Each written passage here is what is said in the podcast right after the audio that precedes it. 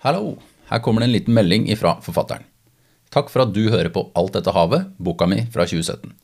Den ligger ute til gratis lytting på strømmetjenestene, simpelthen fordi det ikke fins noen andre gode plattformer å publisere lydbøker på akkurat nå. Om du liker boka, hadde jeg satt enorm pris på om du tar en tur innom lassefosshaug.no og bestiller en signert papirutgave rett fra meg. Det hadde også vært kult om du tok deg tid til å følge meg her og på sosiale medier. Sånt er viktig selv for forfattere i disse dager. God bok videre!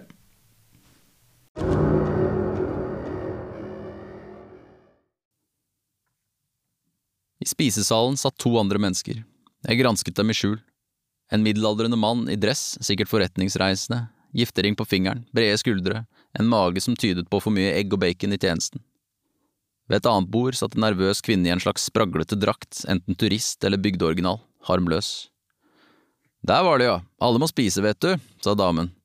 Det var den samme som hadde tatt imot meg kvelden før, den samme som hadde vekket meg og bedt meg komme ned til frokost. I hvert fall du som kommer og banker på dørene så sent på kvelden. Hun stirret liksom strengt på meg før hun smilte.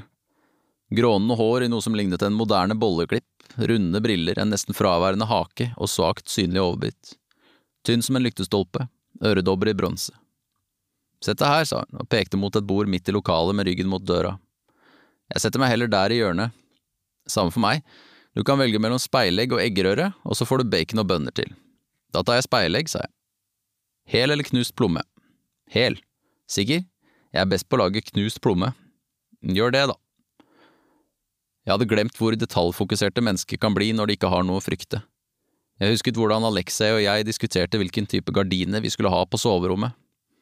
Det er viktig at lyset fra gatelyktene filtreres så fargen blir riktig for et soverom, sa han. Det er viktig at det er mørkt så vi sover ordentlig, sa jeg. Til slutt ble det de lyse gardinene med kniplinger langs kanten. Og han hadde rett. Lyset fra gatelyktene skinte gjennom og ga soverommet en rød glød om kvelden, en egen stemning, og det var ikke noe problem å sove der, ikke så lenge vi hadde hverandre. Et av de minnene som gjorde at jeg orket å stå opp fra bunker av stoffrester, bobleplast og armeringsjern etter den kvelden da det hele begynte, da hele kvartalet eksploderte i ild og gardinene flagret sotete i vinden, var øynene hans i det lyset.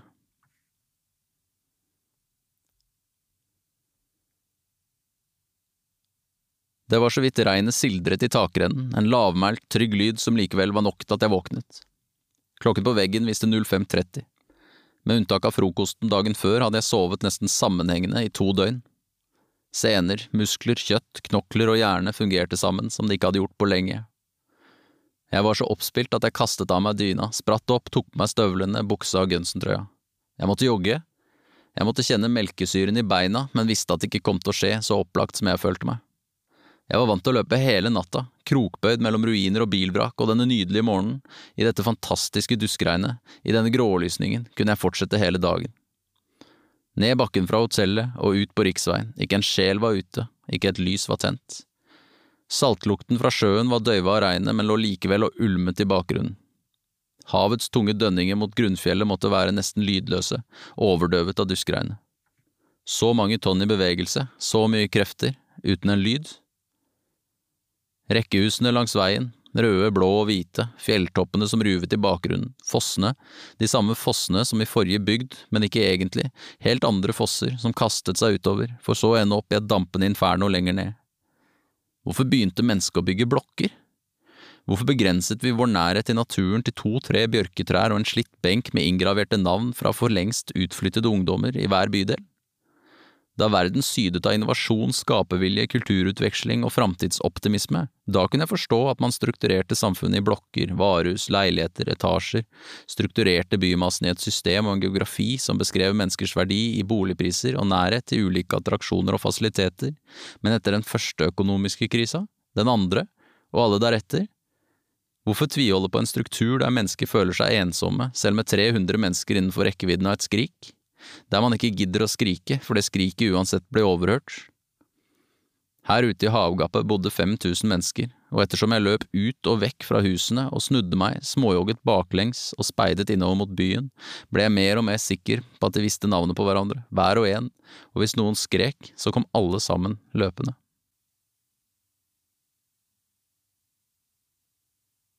Etter en halvtime begynte føttene å klage på at jeg var ute og jogget i for små langstøvler.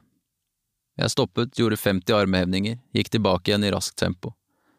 Da jeg kom inn til byen var gatene fulle av biler og mennesker, noen nikket til meg der jeg gikk langs veien. Jeg nikket tilbake. Visste at de kastet stjålne blikk i min retning så fort de hadde passert. Tilbake på hotellet kledde jeg av meg og hengte kamuflasjebuksa og trøya til tørk på dørbladet, skrudde på dusjen og fikk tårer i øynene da jeg kjente varmtvannet og trykket mot kroppen. Vannet var rent og mykt, du kunne drikke det rett fra dusjhodet. Jeg skrubbet kroppen med såpe og forsøkte å huske sist jeg hadde dusjet. Var det i den forlatte leiligheten der vi hadde base noen uker før vi måtte videre? Det var i så fall to måneder siden. Kroppen hadde begynt å regulere seg selv, vedlikeholde seg selv. Jeg luktet ikke, i hvert fall ikke som jeg selv kunne merke, og på uttrykkene til de jeg hadde møtt og dømme, kunne det ikke være så ille. Det banka på døra igjen. Frokost, skal du ha? ropte vertinnen. Ja, kommer, ropte jeg tilbake. Jeg skrudde av vannet, dro til side dusjforhenget og tørket vekk dugget på speilet med håndbaken møtte mitt eget blikk for første gang på lenge. De grønne øynene hadde sunket godt inn i hodet. Håret hadde begynt å gro ut igjen etter barbussveisen jeg fikk av sersjanten, det var et grått felt ved høyre tinning som jeg ikke kunne huske å ha sett før. Den hårløse flekken i skjegget, stor som et fingerbøl, var mer påfallende nå som skjegget hadde fått litt lengde. Jeg lot de tynne, bleke leppene gli fra hverandre og ristet på hodet da jeg så de gulnede tennene som for ikke lenge siden hadde vært hvite og fulltallige. Det manglet én.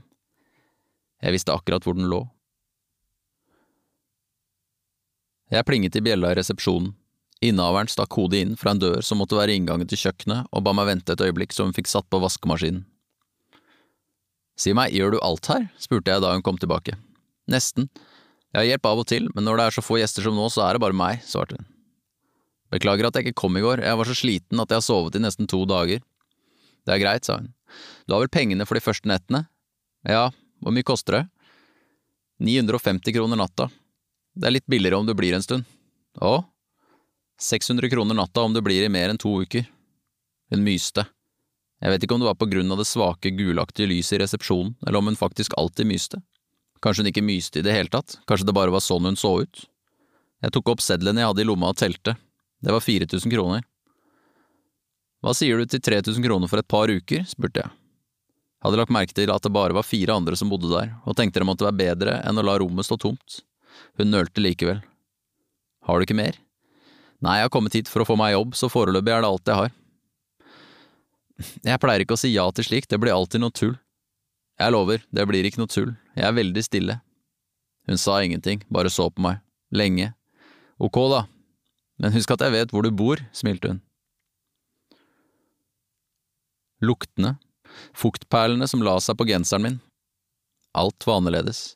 Det eneste som minte meg om hjemme, var blokkene, bygget på 70-tallet, sikkert fulle av linoleum og romklang. Leiligheter folk arvet av foreldrene sine og ble boende i helt til de ble kastet ut, eller enda verre, til myndighetene bestemte seg for at din eksistens ikke hadde noen funksjon og bestemte seg for å terminere deg.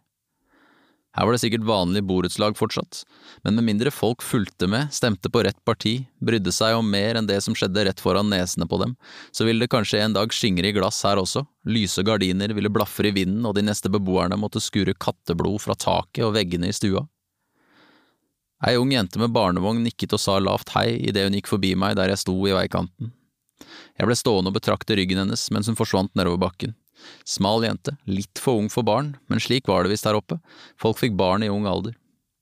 Hadde jeg vært ung i dette paradiset, hadde jeg forhåpentligvis valgt utdannelse og litt reising først, men hvem var jeg til å dømme, jeg som ikke hadde fulgt med, stemt på feil parti og brydd meg mest om det som skjedde rett foran nesa på meg. Jeg ristet det av meg, visste akkurat hvor den tankerekka førte, og trøstet heller meg selv med at jeg hadde gjort det jeg kunne når det virkelig gjaldt.